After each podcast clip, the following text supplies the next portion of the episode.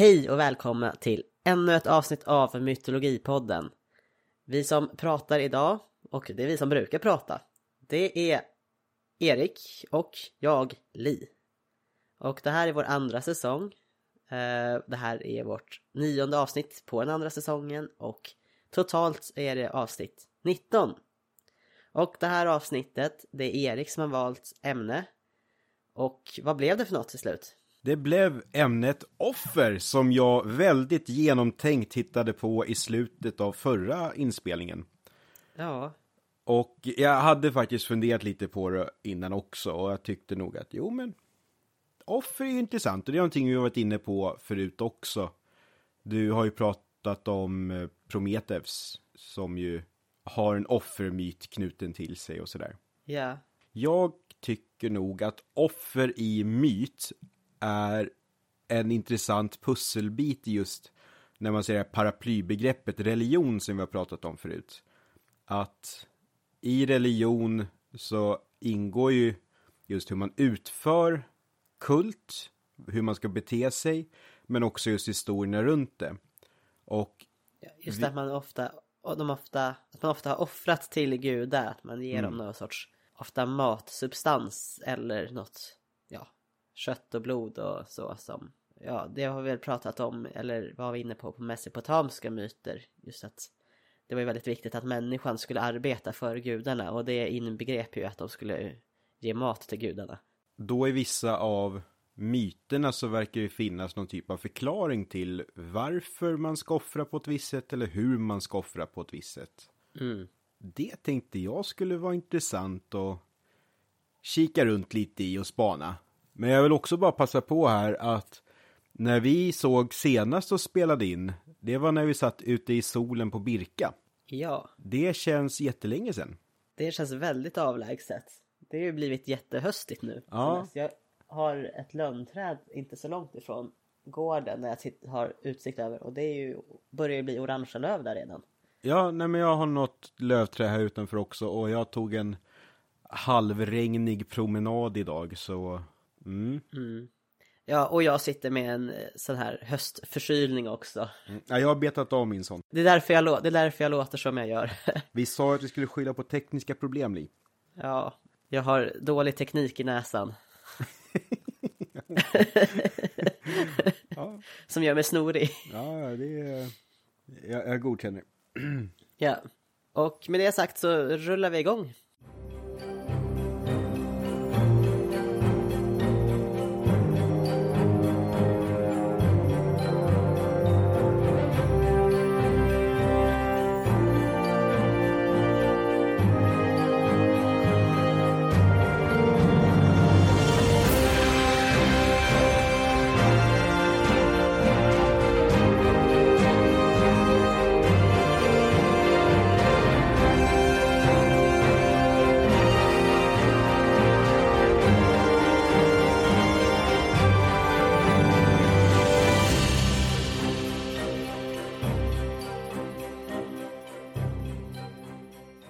Erik, hade du någon introduktion till själva offermytsbegreppet eller ska du börja med ditt första ämne direkt?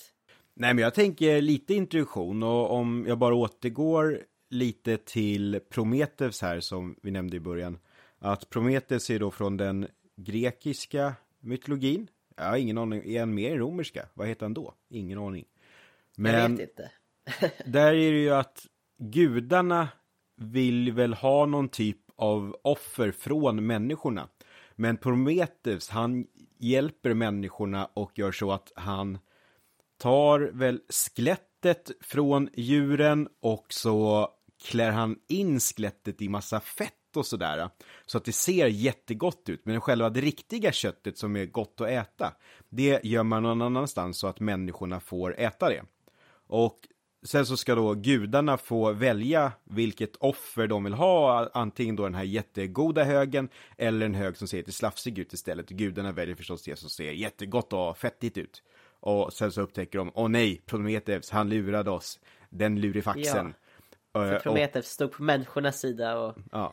vilseledde gudarna direkt. Men minns jag rätt, Zeus tyckte väl att det var ganska kul. Så han går med på det. Och säga, ja men då får ni fortsätta göra så att ni offrar de där bitarna av djuren och så kan ni fortsätta offerfester med den goda maten.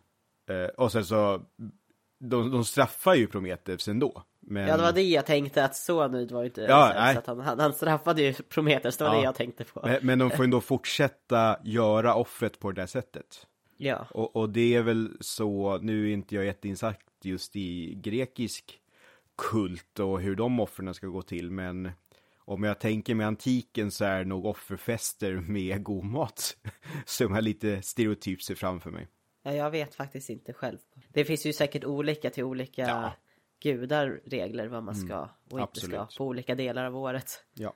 Eh, Så det, li, lite, det var ingen jättelång bakgrund, men offer har ju funnits jag utgår ifrån att det finns någon typ av offer i hela världen. Där överallt det har funnits människor så tror jag att det har offrats. Och jag kan ha fel i det. Men jag tror inte det. Lite Jag kaxig tror jag inte vara. heller, jag tror, jag tror på dig Ja men vad bra. i det här. Jag har, jag har inga motargument. Ja men då så.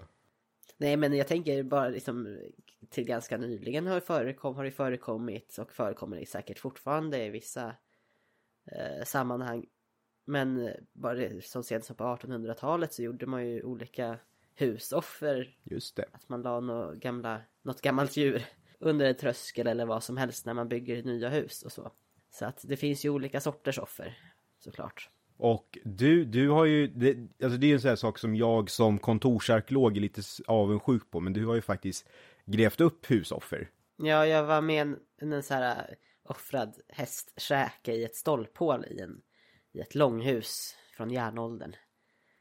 Sen har man ju lagt ner av någon, ja, av någon religiös anledning förmodligen. Det är tufft, tycker jag. Kyrkogrimmen är ju ett sånt här eh, i folktron djuroffer som ofta är kopplade ja, men till just kyrkor då. Där de ska vakta kyrkogården. Va, vad är en kyrkogrim? Ja, men det kan vara olika sorters djur. Det kan ju vara något tupp eller häst eller något som man då har eh, offrat eh, till kyr- i kyrkan. Jag tror att det är i kyrkan. Eh, eller grävt ner. Och då på natten så ska ju då det här djuret vaka över kyrkogården. Om jag minns det rätt. Vad, vad okristet det låter. Ja, det har nog ganska hednisk eh, bakgrund. Ja. Den, den praktiken. Men på tal, nu höll jag på att ta fel segway in i ämnet. Eller, På tal om hedendom, men det är inte alls där jag hade tänkt att börja. Nej, det blir ju tvärtom. Ja, eh, för, men ska vi göra så att vi ger oss på ämnena då?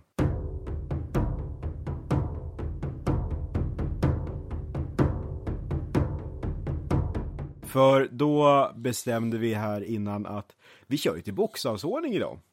På vad, vad våra myter utgår ifrån. Mm. Och jag har kikat lite på Abraham. Och det är ju svårt att hitta en, eh, ett namn som har bokstäver som hamnar längre fram i alfabetet. Och Abraham, han är viktig i flera av de stora religionerna nu för tiden. Och det är ju också så att man faktiskt kallar tre stycken av de här religionerna för abrahamitiska religioner. Och det är då kristendomen, judendomen och islam som alla tre på liknande men ändå lite skilda sätt ser det som att deras traditioner ändå härstammar ifrån just Abraham. Jag kan dra någon typ av kort historia bara runt honom, men sen just att det faktiskt leder fram till ett offer i det här.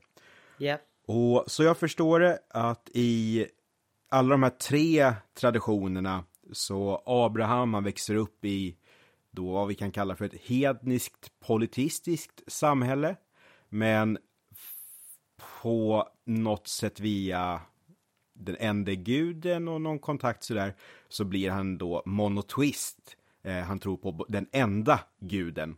Och eh, alla de här tre traditionerna ser som att han är den första monoteisten. Och han försöker väl sprida sin kunskap så väl han kan. Eh, går sådär och i Koranen då är det att inte ens hans pappa vill lyssna på honom så han får helt enkelt gå i exil. Men Abraham, han har en fru som hon kommer sen att få namnet Sara. Men jag har för mig att hon heter Sarai från början.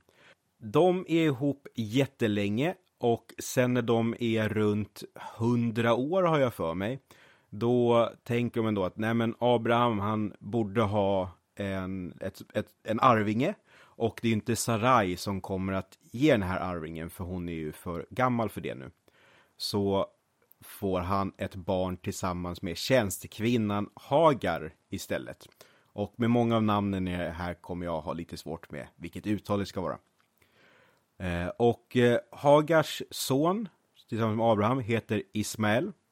Men sen tack vare gudomlig inverkan så kommer faktiskt Sarai att få en son. Och så jag förstår, är i samband med det här som hon får namnet Sara istället, att det blir någon namnändring i samband med att den enda guden har någon typ av kontakt. Och eh, den sonen är då Isak. Och i judisk och kristen tradition, då är det ju så att den enda guden vill att Abraham ska bevisa sin, eller, sin tro, hur trogen han är den enda guden i den religionen, genom att offra sin son. Och eh, då tar han med sig Isak till det här berget där han binder Isak och gör sig redo att offra sin son då. Och i sista stund så stoppas han. Jag har för mig att det är en ängel som kommer och säger stopp. Nu har du bevisat att du är redo att göra det här för Gud. Men du ska inte göra det utan du får offra ett får istället. Och så presenteras då det här lammet. Och det här offret bevisar ju då att Abraham var oerhört troende. Och i judisk tradition så är det också här det då skapas någon typ av arvskontakt. Det är här då det judiska folket tar sin start. Medan kristen tradition snarare ser det som att en tradition får sin start. Att det inte nödvändigtvis hänger på biologier där då. Så jag förstår det. Jag, ser, jag mm. läser allt det här som en utomstående person som är så många av våra andra myter. Men i islam så är det lite annorlunda. Och dels så är det att Abraham eller Ibrahim, att han har två fruar, att det inte då är att det är en tjänstekvinna som får gå in. Och eftersom att det då inte finns någon hierarkiordning mellan sönerna, båda är liksom, vad ska jag säga, eh, eh, ingen är oäkting, båda är äkta söner. Och då är det istället Ismael, eller Ismail, som räknas som den förstfödde.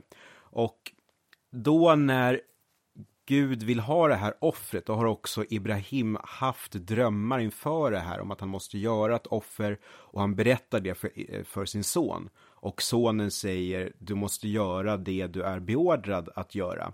Så till skillnad från i judisk och kristen tradition så är sonen helt med på det här och därför behöver inte sonen bindas fast. Och eh, väl på det här berget där offret ska ske, där finns det två olika berättelser och jag tror att nu, så jag förstår islams texter och historier att Koranen med surorna är en grund och sen finns det också andra texter som utvecklar det här. Och det är här jag tror att det då uppstår två olika varianter. Och dels är det en text där motsvarigheten av Satan går fram och försöker stoppa det här offret av Ismael. Och eh, då eh, kastar Ibrahim stenar mot honom tills han försvinner istället. Men sen i den andra så är det att eh, när det här offret är på gång så kommer det sen fram en ängel och säger stopp, du har gjort det tillräckligt, du får offra något annat istället. Och i Koranen så står det inte rakt ut att det är eh, ett lamm eller ett får som presenteras, utan istället så kommer det återigen i de här utvecklande texterna efteråt. Och i Koranen så står inte heller vilken son det är som ska offras, om det är Ismael eller Isak. Utan det är också någonting som senare muslimsk tradition har. Jo, men så borde det vara och jag tror att det har just att göra med att Ismael är den förstfödde. Och sen är det Ismael som har en väldigt viktig roll i hur islam växer fram.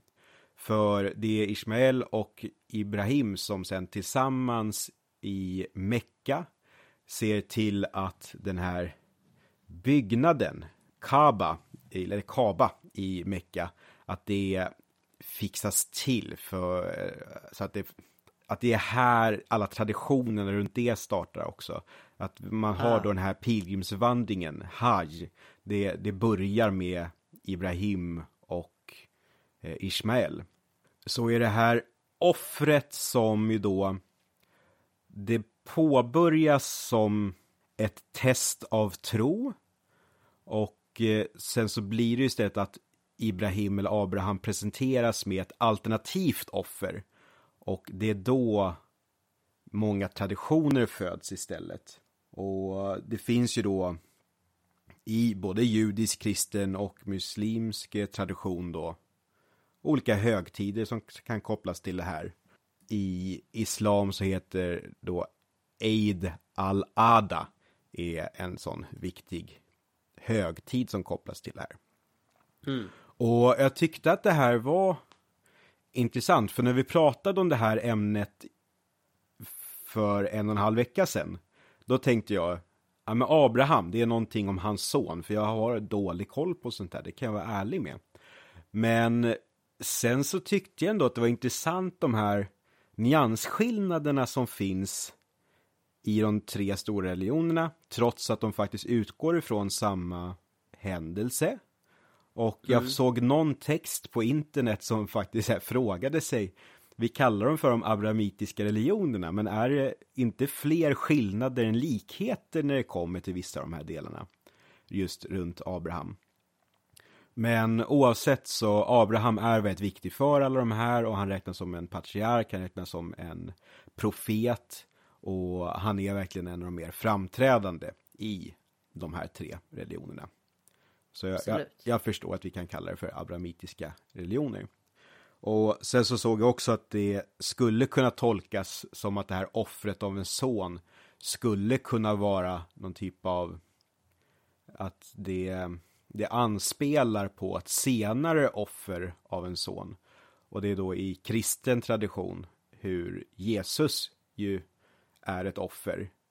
Eh, och att det är då genom hans död som han tar på sig mänsklighetens synder. Och att det skulle då vara Guds variant av ett sonoffer. Och då började jag fundera just på att Jesus är ju Guds lamm. Om det, och det här, jag har inte hunnit hitta om det finns någon sån koppling mellan att Abraham offrar ett lamm istället för sin son och att Gud offrar Guds lamm, sin son. Men jag tyckte ändå att det var lite intressant koppling, så jag har ingen aning om det betyder någonting eller om det betyder allting. Men... Jag, jag vet inte heller. Nej. Som sagt, det enda jag visste, visste om Abraham var att han offrade sin, eller skulle offra sin son, men ja. att i sista sekund, att det blev, att han blev utbytt mot ett lamm. Ja. I den kristna traditionen. Då. De andra har jag haft dålig koll på. Mm, ja, nej men för, ja men det är ju en sån stor grej och jag tänker mycket tavlor och bilder som föreställer just det här ögonblicket också. Eh, som dyker upp i religionsböcker och annat som jag har sett i skolan. Ja, men det var nog lite det jag hade tänkt mig om en sån sak. Ja, mycket spännande. Jag har inga följdfrågor. Jag är lite gröt i huvudet. Som, ja, nej men det... Som de flesta förstår.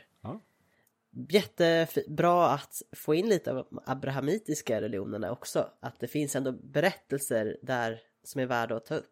Ja, och vi kan säga att det är lite nervöst att prata om så samtida aktiva religioner. Vi har pratat om mycket andra religioner som fortfarande är aktiva, förstå mig rätt. Men just med det här ämnet känner jag, oj vad det finns folk som kan det här mycket, mycket bättre än vad jag kan.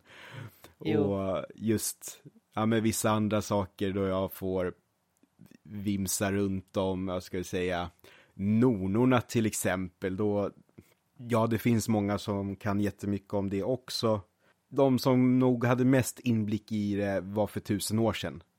Att Ja. det blir ändå lite annorlunda för mig att sitta och prata om just det här. Så jag hoppas att jag har förstått det här någorlunda rätt.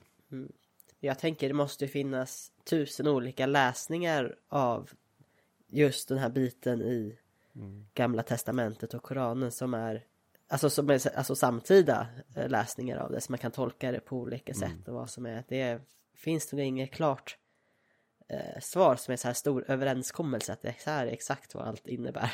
Nej, absolut. Och sen är det ju också nutida forskare och akademiker som från ett sekulärt håll tittar på det här också. Och när Ja, jag kikade precis. runt, jag hittade förstås på Wikipedia då, men att det faktiskt fanns en liten rubrik någonstans som var bygger den här historien på att det faktiskt var ett genomfört människooffer en gång för länge sedan och sen i på grund av hur, ska jag säga, ett stigma runt människooffer så har själva historien förändrats också. Ja. Och jag vet inte hur väl underbyggt det där skulle vara. Det var någonting jag bara såg skymta förbi.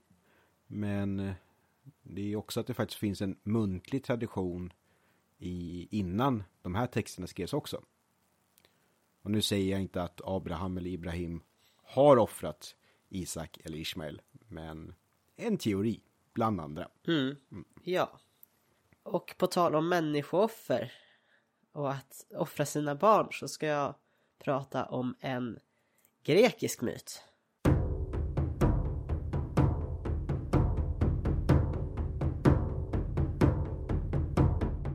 Där fick vi till en bra övergång. Där kom den. Ja.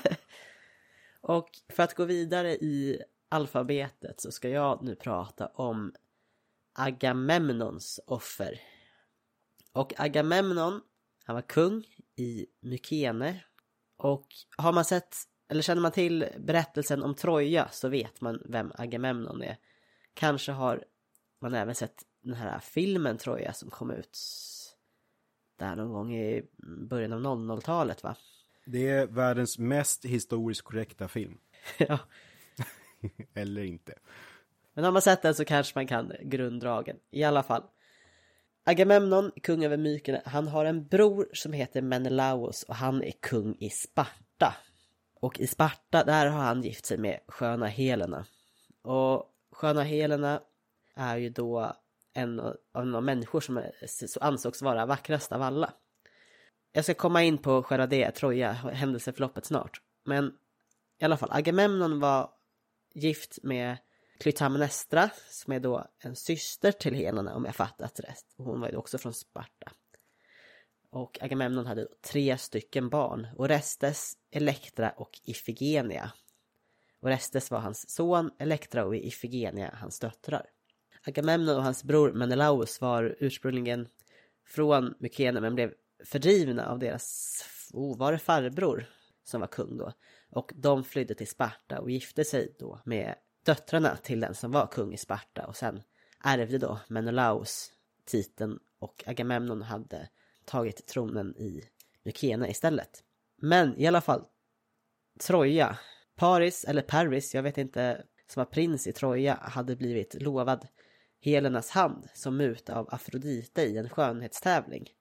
Alltså att Paris, Paris skulle ju liksom, för att säga att Afrodite var den vackraste av gudinnor så skulle, så lovade ju hon då att han skulle få gifta sig med Helena. Helena som var, var ju redan gift då med Agamemnons bror Menelaos och Paris tog ju med henne till Troja. Det var ju inget vidare kul så att då ska då Menelaos och Agamemnon föra krig mot Troja. Det är nu den här berättelsen som jag tänkte dra utspelar sig. Agamemnon var då fältherre i det här kriget. Man har samlat tusen skepp i en flotta som ska segla från hamnstaden Aulis till Troja. Eh, men vid något tillfälle så har Agamemnon på något sätt förargat gudinnan Artemis genom att antingen, det finns olika spekulationer eller variationer på vad som har hänt. Men antingen så har han dödat en hjort eller begått högbod eller hybris som det också kallas genom att påstå att han var en bättre jägare än Artemis. Och hon ser då till att det finns inga goda vindar som kan föra den här flottan vidare från Aulis till Troja. gudinnan Artemis är gudinna över jakt, det vilda, vilda djur, månen och kyskhet och var också en väldigt viktig gudinna för mödrar. Hon hade ett väldigt hett temperament och var dotter till Zeus och Leto och är Apollons tvillingsyster. Då är vi då i den här situationen att det finns inga goda vindar som kan föra flottan vidare till Troja. Och det som händer är att en siare som kal eller heter Kalkas han råder Agamemnon att han måste offra sin dotter Ifigenia till Artemis för att återfå vind i seglen för de här skeppen som ska vidare till Troja. Och där finns det lite olika varianter på vad som händer sen. En variant är att Agamemnon backar ut, krig, ut ur kriget, han vill inte offra. Men det är ju den tråkiga varianten.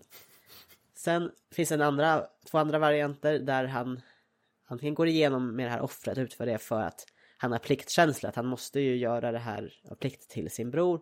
Sen finns det också att han blir eh, att han är ovillig till att göra det, men att han blir övertalad av sin bror att gå igenom med offret.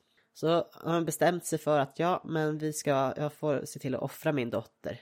Dottern Ifigenia är ju inte i Aulis, utan hon är ju hemma eh, i deras hem i My, My, gud, eh, vad heter det, Mykene? Mykene? Vad säger man? Mykene? Jag, jag säger nog Mykene. Mykene. Men jag, men jag är inte gammal grek. Men de skickar i alla fall ett bud till modern och Ifigenia att ett bröllop ska arrangeras mellan dottern Ifigenia och hjälten Achilles. Och att giftas med Achilles är ett väldigt bra giftermål. Så modern och Ifigenia beger sig till Aulis. Man har då där byggt ett offeraltare och Ifigenia verkar ju förstå att hon ska offras när hon förs till det här altaret. Mm. Hon kommer inte gifta sig. Ehm, det är ju jättemånga män, eller flera män, som är ovilliga att utföra det här offret och ta livet av henne. Och så till sist får den här siaren då som rådde Agamemnon till att eh, offra sin dotter. Han får sköta offret och närma sig henne med en offerkniv. Och här uppstår också olika versioner. Antingen så lyckas Kalkas att ta livet av Ifigenia genom att jag vet inte om man skär upp halsen eller hur, hur exakt själva mordet begås. Men också den mer mytiska, fantastiska varianten är att Artemis räddar Ifigenia genom att byta ut henne mot en hjort i sista stund. Eh, men det här görs utan att de som är närvarande märker det här utbytet. Eh, och Artemis förflyttar Ifigenia på ett magiskt vis till en annan plats. Och efter det här offret är gjort så återvänder vinden och flottan kan segla mot Troja. Eh, även när, när versionen då att Artemis har bytt ut Ifigenia så tror ju alla fortfarande att det är Ifigenia har blivit dödad och offrad. Det här resulterar ju i att efter kriget så blir Agamemnon mördad av sin fru och hennes nya älskare som hämnd för att han alltså har offrat deras dotter. Och Ifigenia då, när, i den versionen där hon har blivit eh, förflyttad så har hon blivit flyttad till ett ställe som heter Tauris av Artemis. Tauris ligger på Krimhalvön och där har hon blivit utvald till att tjänstgöra som prästinna i ett av Artemis tempel. Och där som prästinna var hon ledare just hon hade som uppgifter att liksom hålla i, i offer i det här templet. Och Tauri-befolkningen offrade ofta då människor, alltså främlingar som kom dit. Och en av främlingarna som kommer dit på ett uppdrag tillsammans med kusin är Efigenias bror Orestes. Orestes, han har ju sin tur hämnat sin far Agamemnon genom att mörda sin mor som dödade Agamemnon. Det här är, det här är typiskt grekiskt på något vis. Det är mycket familjekonflikter och drama och tragedier. Men efter lite om och men så känner Ifigenia till slut igen sin bror och kusin och räddar dem och de tar sig tillbaks till Grekland från Tauris. Så att den här berättelsen har ändå eh, koppling då till kriget i Troja. Men den här berättelsen är faktiskt inte med i Iliaden.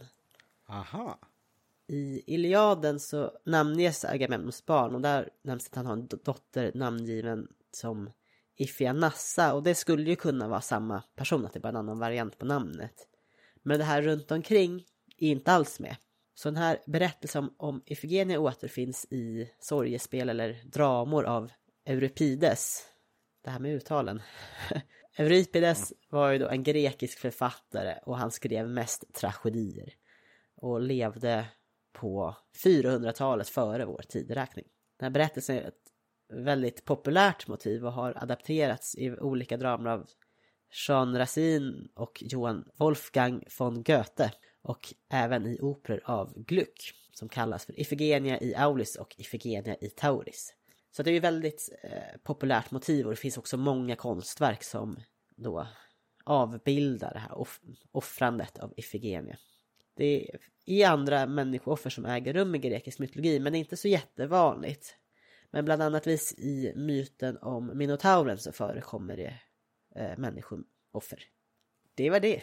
Ja, nej men vad intressant att den också hade just det där att människooffret byts ut i sista stund. Ja. Eh, jag funderar på då om, om jag går på någon slags spår att människooffer har hänt, som det har.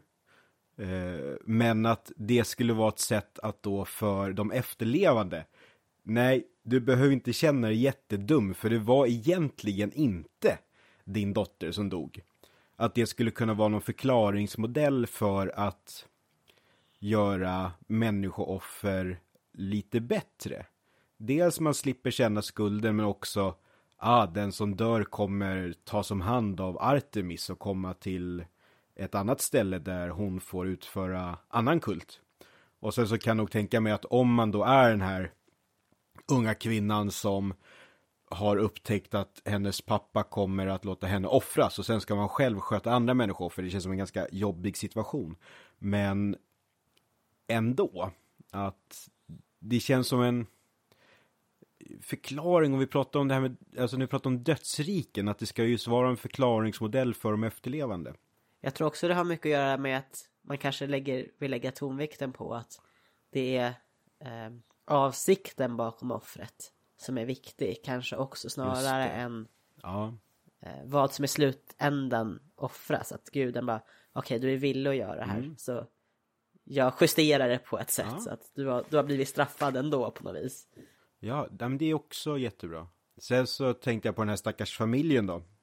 Och det är en dotter, eller en i familjen du inte tog upp sen hur det gick sen. Och det är Elektra. Ja.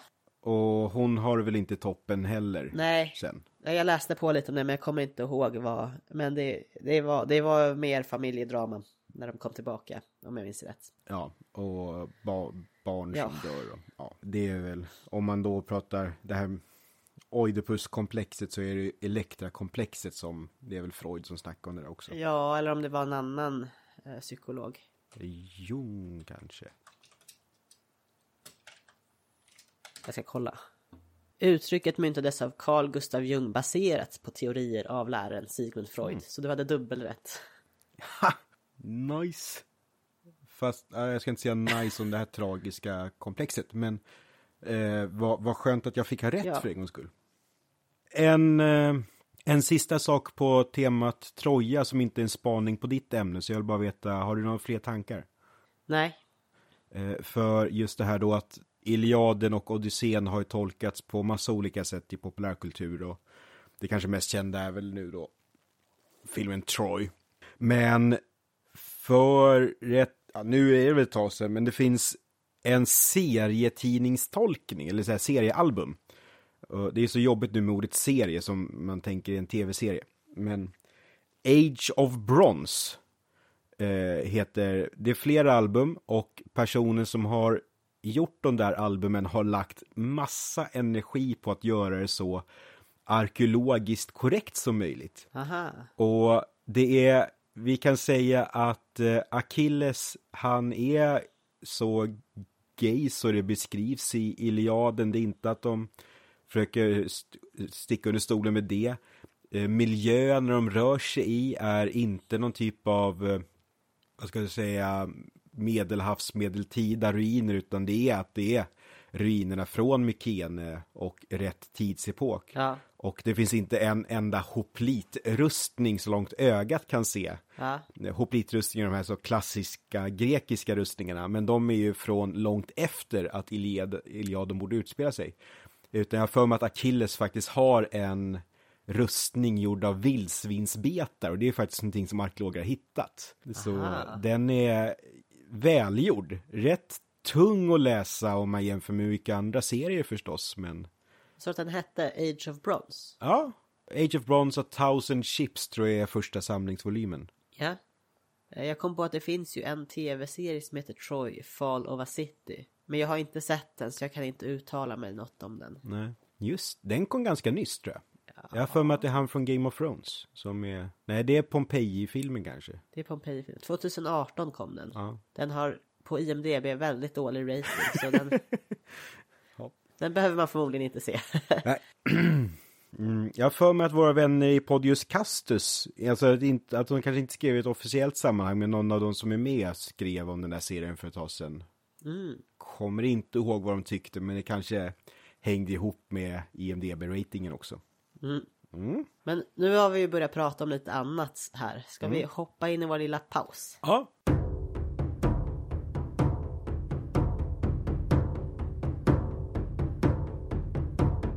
Mellansnacket, vi, vi börjar ju dra iväg populärkulturens spår. Ja, Och eh, då tänkte jag att vi kan fortsätta med populärkultur.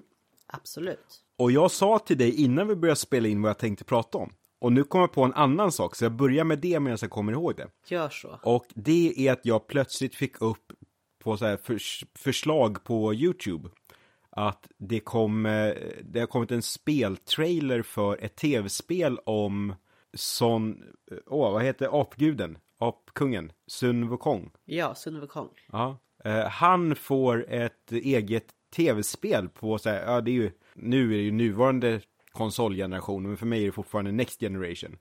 Så det såg jättesnyggt ut och han slogs mot något monster i den här gameplay-trailern. Okej. Så, så den är på väg ut i, jag vet inte när det här spelet kan tänkas komma, men ja. Det är på kommande i alla fall. Mm. Och det kan ju föra oss till det jag tänkte prata om här. Ja, ett annat spel. Precis, och den trailern kom ju i förra helgen. Yes. i inspelande stund. Och eh, det är ju då att de äntligen har släppt en trailer för God of War Ragnarok. Oh. Och, och, och det är ju då fortsättningen på det God of War som kom för alldeles för länge sedan. Eh, Som, och God of War-serien har ju då funnits rätt länge. Och förut så var det ju att eh, halvguden Kratos spöar upp allt och alla i grekisk mytologi.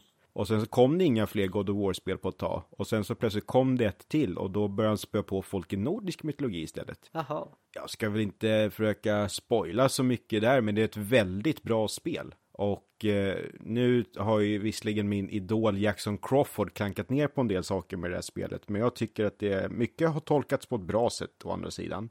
Det är typiskt sånt där tillfälle då jag kommer på mig själv med att tänka, har jag fått den här informationen från Eddan eller God of War? Så det här krångliga vi har pratat om vid lite olika tillfällen. Du får, du, får, du får sluta spela spel, Erik. Det är enda lösningen. Ah, Det ser väldigt... Ja, det var inget bra alternativ. Nej. Lite, lite nöje i livet ska man ju ha såklart. Ja. Jag tittade om på Marvels Thor, första filmen, igår. Aha, håller den? Nej, ja, ah. Jag tyckte ju inte att den höll måttet första gången jag såg den. Men då var jag liksom så oins oinsatt i, i Marvels serietidningar. Så jag visste liksom inte vad jag hade att förvänta mig. Så jag var jättebesviken att allting var så plastigt och så överdrivet. Och jag förstod inte varför det var så långt ifrån nordisk mytologi. Mm. Men det har man ju lärt sig att acceptera och det spelar ingen roll längre. Så då var det lättare att, Okej. på något sätt var det lättare att se det nu. Men Ja. eh, Trots Crims Hemsworths blonderade ögonbryn. Ja, det var just den biten var väl svårast att hantera. För nu har man vant sig vid att han har mer naturligt utseende senare. Ja. Alltså naturlig han nu kan se Men Anthony Hopkins spelar ju Oden väldigt bra. Det måste jag säga. Jag läste något citat av honom att han inte visste någonting om nordisk mytologi innan han fick det där jobbet. Nähä. Han visste liksom inte vem Oden var. Men det är ju bra, för han går ju ändå in och spelar varje roll han gör seriöst. Så det är väldigt tacksamt. Fokusera på just den här fadersrelationen till Tor och Loke. Som inte alls finns i myterna. Nej. Men där tycker jag att de har gjort det snyggt i, i senare Marvel-serier. Om, om nu är jag ändå inne på det. Att det finns olika versioner av verkligheten. Så att de här syskonrelationerna och föräldrar, de ser ju olika ut de olika verkligheterna. Så det vi ser som det Officiella. som, vi har, det som vi har som officiella kanske är en annan verklighet helt enkelt. Ja. Coolt. Eh, men på tal om Marvel-Tor då. Mm. För i samband med God of War-trailern så släppte de också en concept art, alltså en sån konstnärlig bild inför spelutvecklingen på hur de, deras Tor ska se ut. Och, och det gjorde ju folk eh, så lite sura, för man är ju så van vid hur Chris Hemsworth ser ut som Tor. Ja. Och vi kan säga att spelets Tor ser annorlunda ut. Han har inga magrutor, han är rätt okammad och eh, ser, ja, han är hård alltså. Jag tycker nog att, alltså visst, så här, kläderna är väl inte så att det bygger på arkeologiska fynd av vikingatid eller järnålderskläder, utan det är ju mycket så här läder, harnesk och grejer. Men jag tänker mig nog att Tor är en lite rundare person snarare än tvättbrädemage. Eh, Ja. Och han har enorma armar så han är ju fortfarande stark. Men i, i myterna så frams, alltså det framgår ju att Tor kan ju äta jättemycket. Det är, det är det som gör jätten Trym helt förfärd när han tror att han sitter bredvid Freja som bara äter och äter och äter. Och sen så har de ju också gjort Tor rödhårig i det här spelet. Och det har vi pratat om, var han verkligen rödhårig? Men å andra sidan, det enda vi har som nämner hårfärg på Tor, oavsett om det är en sen källa eller inte, så är det att det är rött. Så det är ju intressant. Och där, det skickar jag till dig för ett tag sedan, att det var ju någon som hade lyckats rota fram att det faktiskt står att Oden är rödskäggig på ett ställe också. Eh, ja, eh, apropå gingerspåret vi haft, eller rödhåriga spåret. Ja, oj, oj, oj, vad man kan trassla ihop sig. Ska, Verkligen. det har ju dykt upp en riktig källa till nordisk mytologi istället. Det kan vi också ta upp. Ja, det kan du nämna.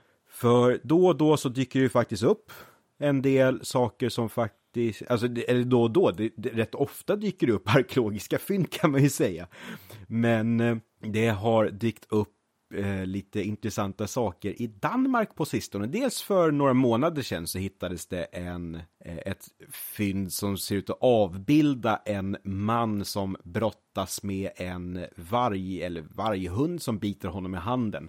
Och det här tolkas då som att det skulle vara Tyr och Fenrir. Ja, Den här avbildningen är väl från 800-900-talet och eftersom att vi inte har några andra myter om någon som biter någon i handen så skulle det kunna vara då, alltså av det vi kan veta från skrivna texter så borde det vara Tyr och Fenrir.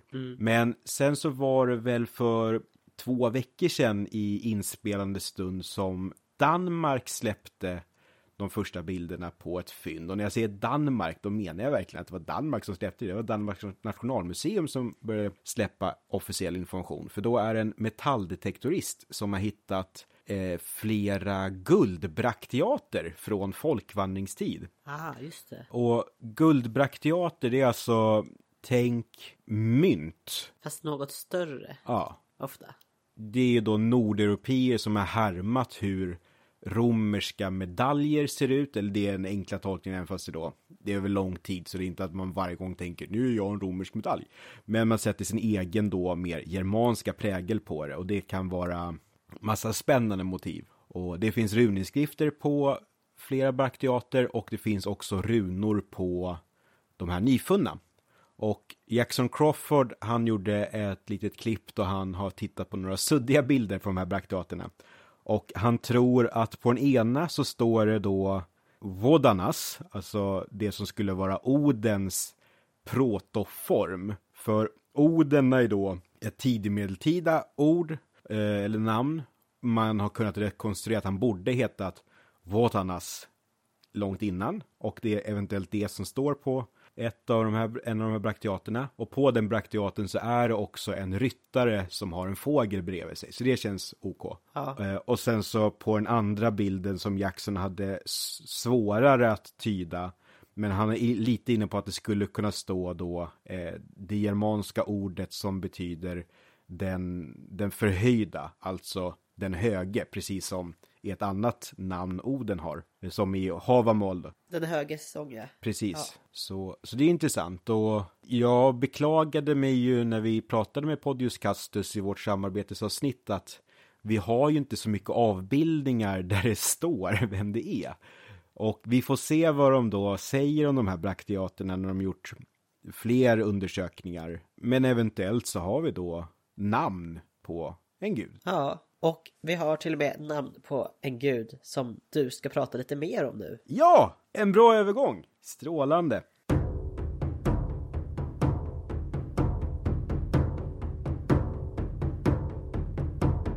Nu kommer alla, precis som vanligt, bli jätteöverraskade över vilken mytologi jag har tittat lite närmare på. Kan det vara... Nordisk mytologi. Ja, det var det. Ja.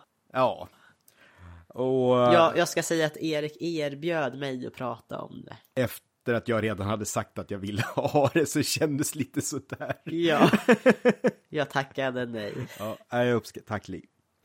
Och det är nog också lite det jag ska prata om nu som faktiskt gjorde att jag kom att tänka på offertemat överhuvudtaget. Ja. I det fornnordiska, och jag, ja, för sakens skull när jag säger fornnordiskt så menar jag då, trots vad Norden är, att Finland är ju inte nödvändigtvis samma mytologi här. Det har vi pratat om massor med gånger. Men det finns ju massa offer i nordisk eh, kult och mytologi. Och jag nämnde ju här nyss då Tyr. Eh, Tyr, eh, han är nog fullt medveten om vad som kommer hända med hans arm när han stoppar in den som pant i vargens mun, men han gör det ju ändå. Så det här skulle man ju kunna läsa som en slags offer. Yes. Eh, vi har en känd tavla. Det är väl Carl Larsson som har målat den till Nationalmuseum. Eh, där man ser då kung Domalde offras. Midvinterblot. Midvinterblot, så heter den ja.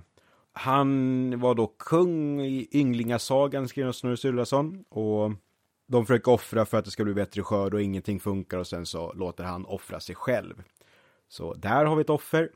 Eh, min kompis, eh, han skrev till mig och beklagade sig över att han har ett tandverk och då sa han att han var som eh, kung Aun den gamle och då undrar jag, vad menar han då? Jo, men kung Aun, han var då också en kung i, som vi kan läsa om i Ynglingasagan av Snorre.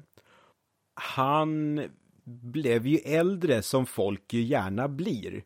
Men då gjorde så att han offrade sin son. Och då sa Oden, nu har du offrat din son, då kan du få leva lika länge till. Och då var han ju typ 50-60 år, så blev han 120 år gammal någonting.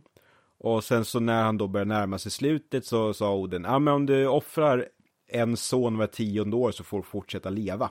Men även fast han då fortsätter leva så åldras han också, så han blir bara svagare och svagare. Och till slut så kan han inte stå upp själv och han får sin näring genom att dricka ur ett horn som är någon slags dihorn, som en nappflaska på järnåldern får vi tänka. Eh, och eh, då är det så att eh, Aun han ska offrat, eh, jag tror att det är nio söner, men sen så säger folket nog bara, nej men det här funkar inte, vi måste ha en annan kung, så då gör han så att Aun inte kan döda sin siste son och Aun dör av ålder och det är då sonen Egil som tar över istället och Egil, han är pappa till kungen Ottar Vendelkråka, så det här är liksom en del av en sån kungadynasti. Och kung Egil dödades av en tjur i Uppsala. Och jag funderar på, har det här någonting att göra med krigskossan som vi pratade om på Bilka? Eh, det, det, ska vara en vildtjur, så det, det, det, det är liksom ingen sån kult runt det. Men nej, jag tyckte ändå att det är intressant att det var en tjur som dödade honom. Nog om det, det var inte det jag skulle prata om, utan jag skulle prata om Oden. Och oj vad Oden offrar saker. Och offer och Oden det hänger ihop och människor offrar till Oden. Och det är en sån sak som kommer fram i eh, Havamål, den höges sång, i vers 144. Då Oden säger, eh, han säger massa saker, men eh, Veist du hur bidja skall, veist du hur blåta skall. Vet du hur man ska bedja, vet du hur man ska blota. Och sen säger han att det är bättre att inte blota än att blota fel. Så hur man ändå utför ett offer är viktigt. Men Oden själv, han gör också egna offer. Och det gör han vid två olika tillfällen och när jag började fundera på det här så trodde jag nog att det faktiskt var ganska tydliga källor, men det var det inte. Men till att börja med så är det ju så att Oden, han vill ju veta så mycket som möjligt. Han, är ju hela tiden på jakt efter ny kunskap. Och då är det så att i Völvans spådom, då pratar ju Oden med en völva. Och sen en bit in i Völvans spådom, jag tror att det är um, vers 28 har jag skrivit. Då känns det som lite som att hon börjar reta Oden för att hon ska visa hur mycket hon egentligen vet om honom. Och då säger hon att hon vet var han har lagt sitt öga i pant i den brunn som Mimer dricker mjöd ur. Att Oden skulle ha lagt sitt öga i en brunn som en som heter Mimer dricker mjöd ur, det säger inte oss jättemycket. Däremot så i Snorres Edda så utvecklas det här. Och det är att i Mimers brunn, den som dricker ur den här brunnen får kunskap och visdom. Och jag har för mig att Heimdall, han har ju massa, han hör ju så bra, han ser så bra. Och det verkar som att han också har druckit ur den här brunnen och att det skulle kunna hänga ihop. Men Oden, han får inte dricka ur brunnen och få den här kunskapen om det inte är så att han offrar sitt ena öga. Så han gör ett offer för att få då den här kunskapen. Och, och, det är en sån sak som jag också blev upplyst om för ett tag sedan, att det, det är inte vilken brunn som helst, utan det är ju faktiskt en brunn av mjöd också. Och det är då Mimers brunn, dit Yggdras, en av Yggdrasils rötter går. Och Mimer i Snorres Edda är ju ett avhuggit huvud som vaktar. Och Jackson Crawford, han har lyft i någon av sina videos att eh, just huvuden i brunnar är någonting som återkommer i flera vad ska jag säga, brittisk-keltiska historier. Aha. Så det skulle kunna vara ett inlån därifrån. Ja, ja, det, det är en annan historia. Mm. Eh, så, så det är ett offer som Oden gör. Men mitt favoritoffer som jag är honom väldigt tacksam för, det är istället det som nämns i Edda-dikt Havamål och vers 138 och 139. Och eh, min vana trogen tänkte jag förstås läsa det här på fornisländska också. Ja, tack. ja, men skönt. Tack för peppen. Och då är det Veit eck att eck häck vindiga mig de å. Näter allar nio geiri undader och geivin oni sjalver thjalfum mer av theim meidi er mangi veit hvers av vetum hvers av Rothum ren. Vid hleifi mixelde nej vid hornigi nysta ek nider nam ek upprunar, öpan din nam fäll ek after thadan. Och det är då att jag vet att jag hängde i det vindomsusande trädet i nio hela nätter stungen av ett spjut och given åt Oden, själv åt mig själv given. Och vad är det där ja? Authei Meidi. Ja, det, det kända trädet där som många vet, eller få vet, det här är lite osäkert, men var rötterna tar vägen. Och eh, ingen gav mig bröd, ingen gav mig horn, alltså han fick varken mat eller dricka. Och när han hängde där, då tog han upp runorna. Skrikande tog han dem och sedan föll jag ner. Så det Oden beskriver här i Havamal är att han hänger i ett träd och det är lockande att tro att det är just Yggdrasil han hänger i, även fast det inte skrivs ut någonstans. Det kan vara ett helt annat träd också. Ja. Och han hänger där i nio nätter och Siffran 9 är ju helig, det är återkommande så. Eh, att det är en viktig siffra. Han offrar sig själv åt sig själv. Han är stucken av ett spjut. Och när han har hängt där utan mat och dryck, det är då han får kunskapen om runorna. Så återigen är att han gör ju ett väldigt, alltså offret av sig själv för att få mer kunskap jag vet inte hur noga man ska tolka det. Att det, när vi lär oss saker, att när vi får nya kunskaper, att det krävs någon typ av offer, men vi kanske inte behöver göra riktigt lika fysiskt som Oden gör. Nej, exakt. Och sen så är det också viktigt att det här är just en sån, sån passage där man ibland kan lyfta ett eventuellt kristet inflytande. Att Oden är given åt sig själv, att han hänger där. Och det här med spjudet i sidan också. Spjutet i sidan, precis. Och att det då har ju vissa likheter med att Jesus på korset är ju då en del av den gudomliga treenheten som är offrad, förstå mig rätt, åt Gud. Och han blir ju faktiskt stucken av ett spjut eh, när han hänger där på korset. Det är, vad heter han, eh, Longionius, eller någonting, den romerske soldaten som sticker Jesus så att se att han har dött ordentligt för när Jesus hänger där så blir det mörkt över världen och han skriker min gud varför har du övergett mig? Och sen så är det som att han dör och de sticker med ett spjut bara för att kolla att han faktiskt har det. Ja. Och då är de säkra sen på också att jo men det var nog Guds son det där faktiskt. Men ska man läsa det här som att det är kristen influens? Jag tror att språkligt så borde Havamål vara rätt gammal. Och eh, att det heter Den höge sång, det är då att det är antagligen Oden som berättar allt det här. Att jag-perspektivet i dikten är Oden. Och det är inte bara sådana här coola grejer om hur han hänger i träd, utan det är också eh, levnadstips. Typ drick inte för mycket alkohol. Men det är också intressant tycker jag att vissa offer som ändå kopplar till Oden rent i vår mänskliga värld, vi, vi här i Midgård, det är just hängoffer. Ja. Och eh, Lotte Heidegger, hon har skrivit boken Skuggor ur en annan verklighet. Och hon citerar en isländsk biskop där som jag inte har hittat originalkällan till. Men han säger att han inte har suttit under hängda män som andra hedniska präster. Så det skulle ha kunnat vara en del bland hedniska kultutövare att man sitter under hängda män för att ta del av deras kunskap. Någonting som Oden också verkar göra. Så det här med hängningen är ju starkt kopplat till honom. Det blir rörigt det där, men offer finns det i fornnordisk religion i alla fall. Oh ja. Mm.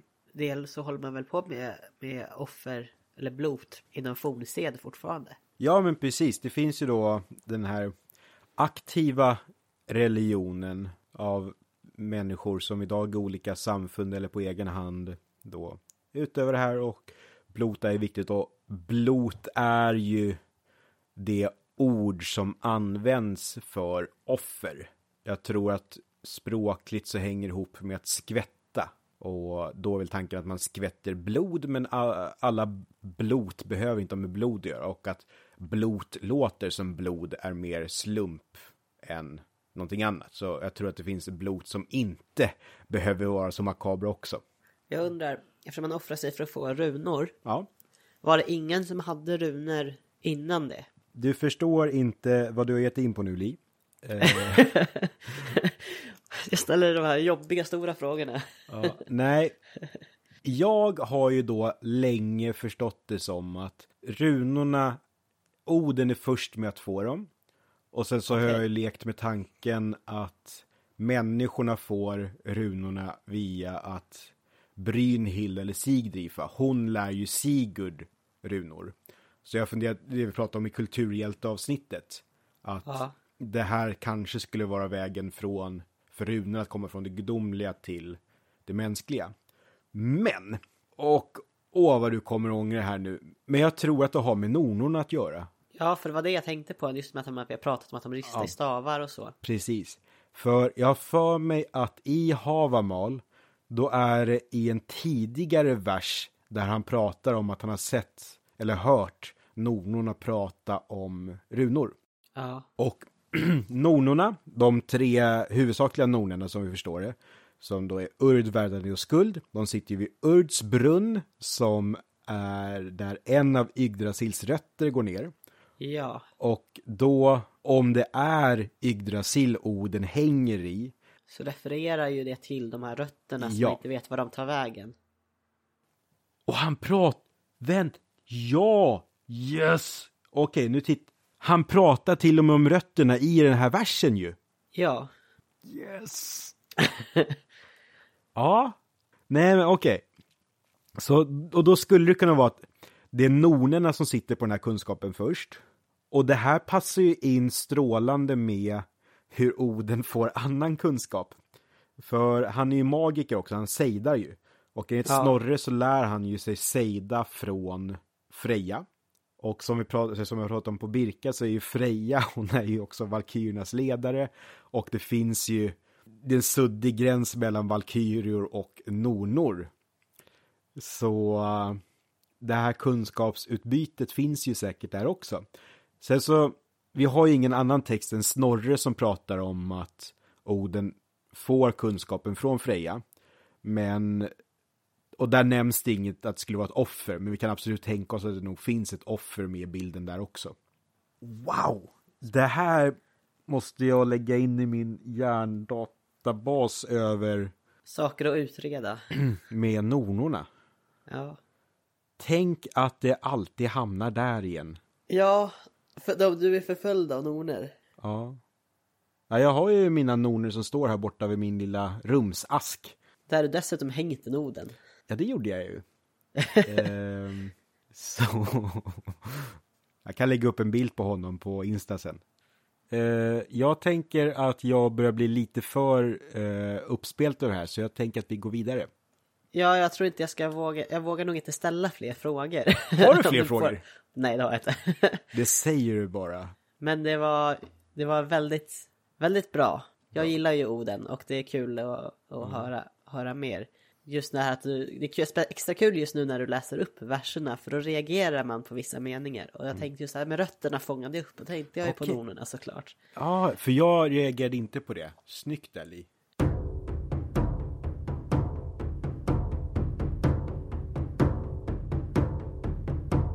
Jag skulle kunna prata om vårt sista ämne för det här avsnittet nu. Var ska vi då någonstans? Nu ska vi till Mexiko. Oj! Me- Mexiko. Ah, si. Och jag utgår då från aztekerna. Det var bland det första jag tänkte på när Erik pratade om offer. Att vi skulle, när vi skulle prata om det tänkte jag, var, var har man offrat? Jo, man har offrat ganska mycket människor. Just aztekerna gjorde det. Och då tänkte jag att då ska jag leta reda på om de, om de har några myter i just den här varför har de offrat så mycket människor. Men det var ju svårt att hitta själva berättelsen. Liksom vad de har för, vad ska man säga, kosmologisk anledning. Jag har hittat alltså, förklaringar på varför de gör det. Men jag har inte själva, själva berättelsen som rättfärdigare. Det kanske inte är bevarat. Eller så är det bara det att jag inte har hittat det. Men i alla fall. Eh, Aztekerna, en av deras viktigaste gudar är en gud som heter Wit...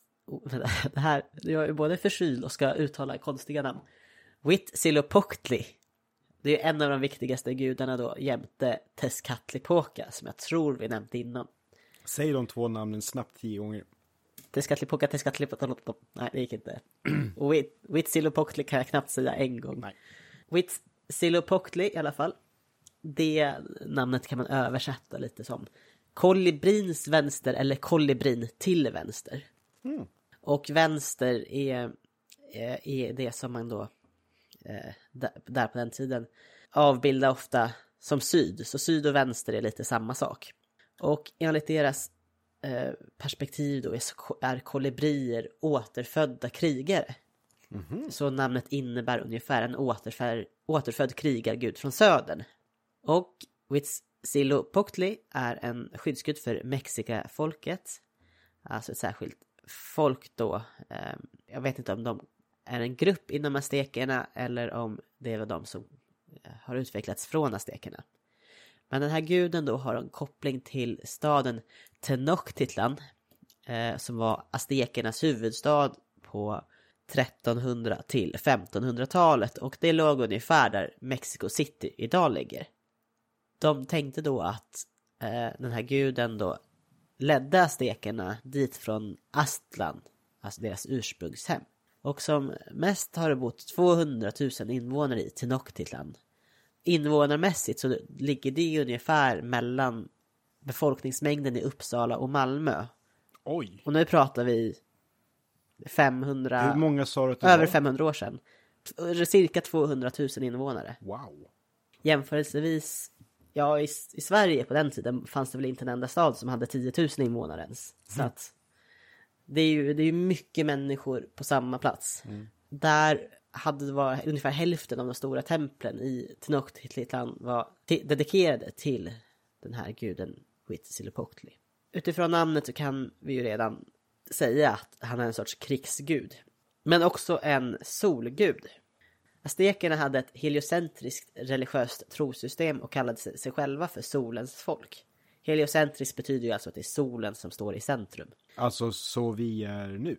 Ja, alltså i det här kanske de inte menar att solen ligger i universums mitt, så Okej, som ja. man har trott att jorden låg, utan mer att, att solen är det viktigaste i deras världssyn. Sen så hur det låg geografiskt vet jag inte om de tänkte så. Okej. Jag, de, jag vet inte hur de uppfattade jorden heller som Nej. enhet. Men i alla fall, de flesta gudar och hjältar hos aztekerna är gestaltar i olika aspekter av solen.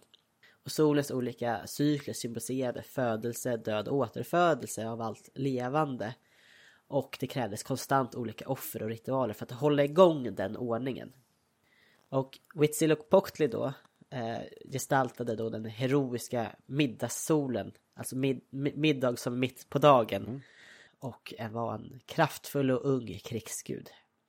Som krigsgud så hade han då ett följe och det var de fallna krigare och de kvinnor som dör på grund av förlossning som kommer till hans följe. Och efter fyra år i hans följe då, eh, som döda, så återföds då krigarna som kolibrier. Så det här är ännu en då koppling då till fågeln kolibri. Och utöver att ha en koppling till kolibrier så var han associerad med örnen och han kunde ta örnhamn och förvandla sig till en örn. Eh, Guden avbildas med sköld och krigspilar. Något som heter Tjukotel. Jag vet inte hur man uttalar det.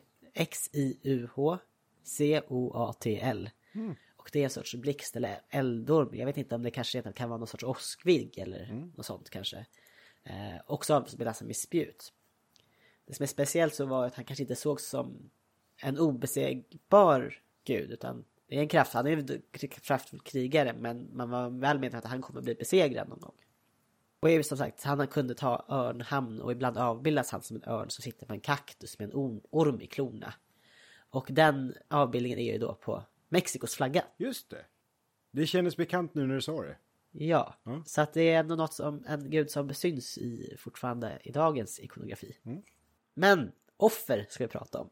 Solen behövde blod och människohjärtan och behövde alltså matas med offer. Och det här är för att solen ska kunna fortsätta sin resa över himlen. Och det här måste göras varje dag. Och aztekerna utövade olika sorts heliga krig där de tar olika andra folks eh, människor till fång- till fångatagare just för att offra dem. Och det var ju liksom väldigt hedersfullt att vara ett offer.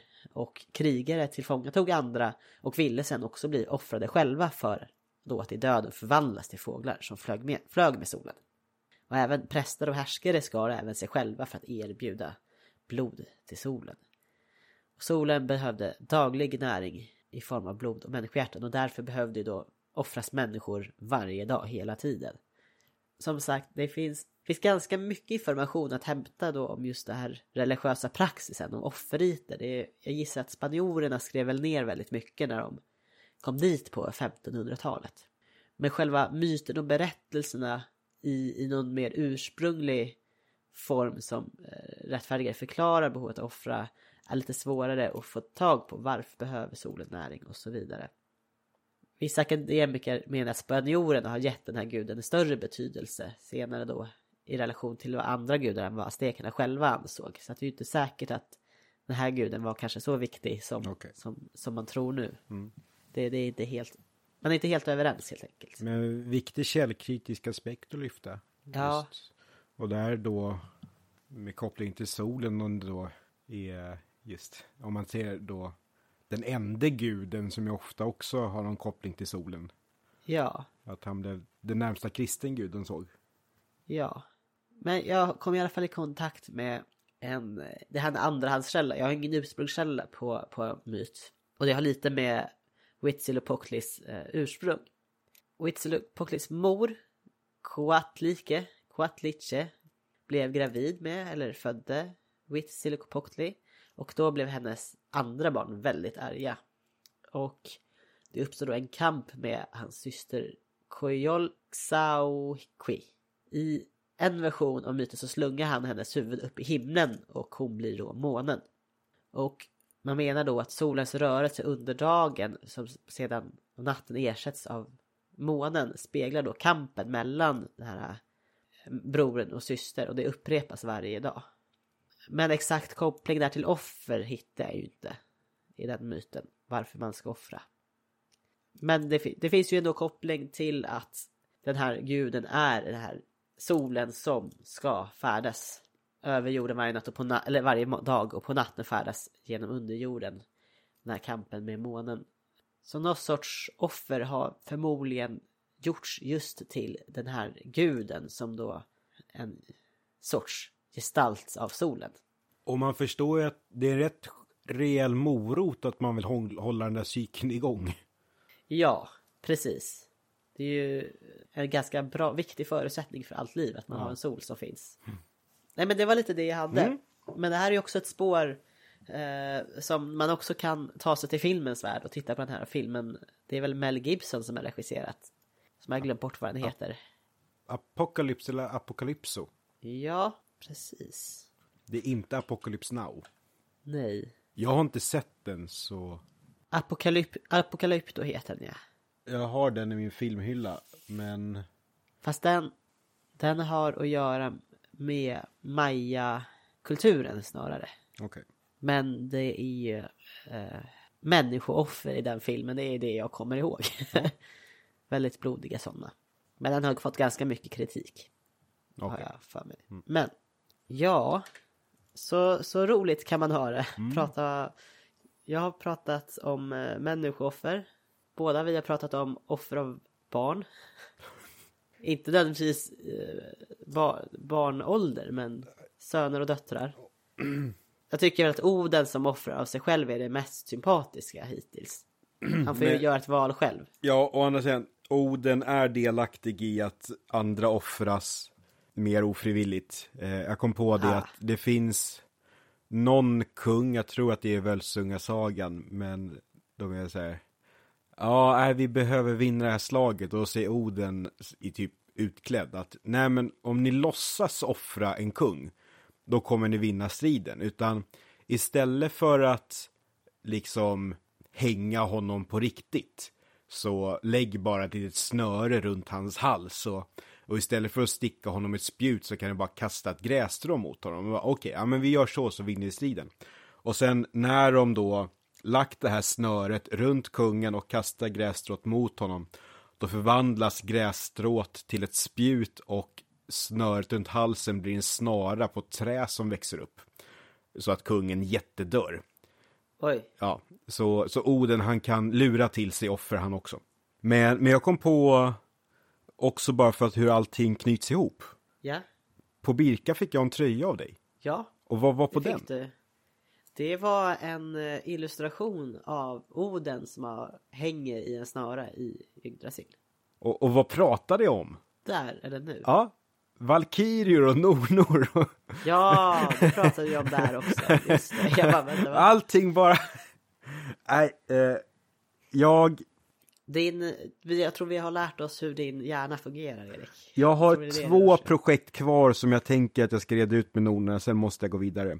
Ja, Dels ska jag skriva ner allting som jag har tänkt på det senaste halvåret och sen så är det förvånansvärt nog några som faktiskt har bett mig komma och prata om vad jag vet om Nordner. Så det, ja, men jag är lite för sjuk för att fortsätta. Ja. Jag börjar bli eh, grötig i halsen. Mm. Var finns vi någonstans? vi finns på varsitt ställe i Sverige, men om man vill Ja. lyssna på oss så kan man lyssna där poddar finns. Vi finns på Spotify och det var jätteroligt för jag har hittat hur man ser topplistan på Spotify. Ah, Och, och där har vi ju hoppat lite upp och ner och så här. Vi var till och med på en plats fem över poddar om religion och andlighet för ett tag sedan. Så det var roligt. Och jättekul att jättekul. det är så många som klickar in och lyssnar på oss. Jajamän. Och så finns vi på iTunes och man kan lyssna på oss på Acast. Och om man helt enkelt vill eh, läsa våra inlägg så är vi mest aktiva på Instagram. Där heter vi Mytologipodd. Och så finns vi på Facebook där vi inte är riktigt lika aktiva men vi kollar ändå om det skrivs meddelanden där. Och där heter vi Mytologipodden. Vi har en hemsida som jag tror heter mytologipodden.com. Jajamän. Och där kan man eh, se svartvita foton på oss. Och eh, man kan också skicka in frågor. Vi har några Nils-frågor kvar. Men vi tar gärna emot fler frågor också. Ja, vad mer vill vi ha sagt? Om, om man vill, eh, om man vill då, då finns ju faktiskt det här klippet ute på Birkas Facebook-sida nu. Ja, just det. Om man vill se oss sitta och prata live. Ja. Frida från Birka, hon har ju klippt in också lite bilder på sånt vi pratar om, och fina miljöer och sådär. Och jag tycker, jag, alltså jag skickar till dig det, jag tycker att det är rätt kul då när jag har pratat lite för länge och är jättetörstig. Och så försöker jag väldigt diskret hälla upp lite vatten till mig själv. Och misslyckas fullkomligt och skräcken i mitt ansikte. Eh, så, så det kan man se. Och, och det är ju då samma avsnitt som också finns på Spotify eller var man nu lyssnar någonstans. Ja. Då får man gå in på Spotify, höll jag på att säga, men på Facebook och söka på Birka Vikingastaden. Så ha- ska det finnas i deras flöde. Då kan man också se t-shirten som Erik hade på sig. Ja. Man kan, det kanske inte syns så bra, men eh, Ja, nej, vi, vi, vi kanske får lägga upp någon sån bild sen. Du hade också en snygg tröja på dig. ja, jag hade Oden ridandes på Sleipner På Bifrost. på Bifrost med Valhall i bakgrunden och Nidhögg under Bifrost. Och Bifrost är då den här regnbågsbron. Eller, eller om det var Jormungandr. Ja, ja. Någon av drakormarna du pratade om i Birka-avsnittet. Exakt, precis. Det knöts också ihop där. Ja, Ja. Vi har sagt det vi ska säga. Nu har vi dragit ut på det här jättelänge. Kul att ni lyssnar. Hoppas ni har det bra. Och att ni inte offrat för mycket tid på det här. ja!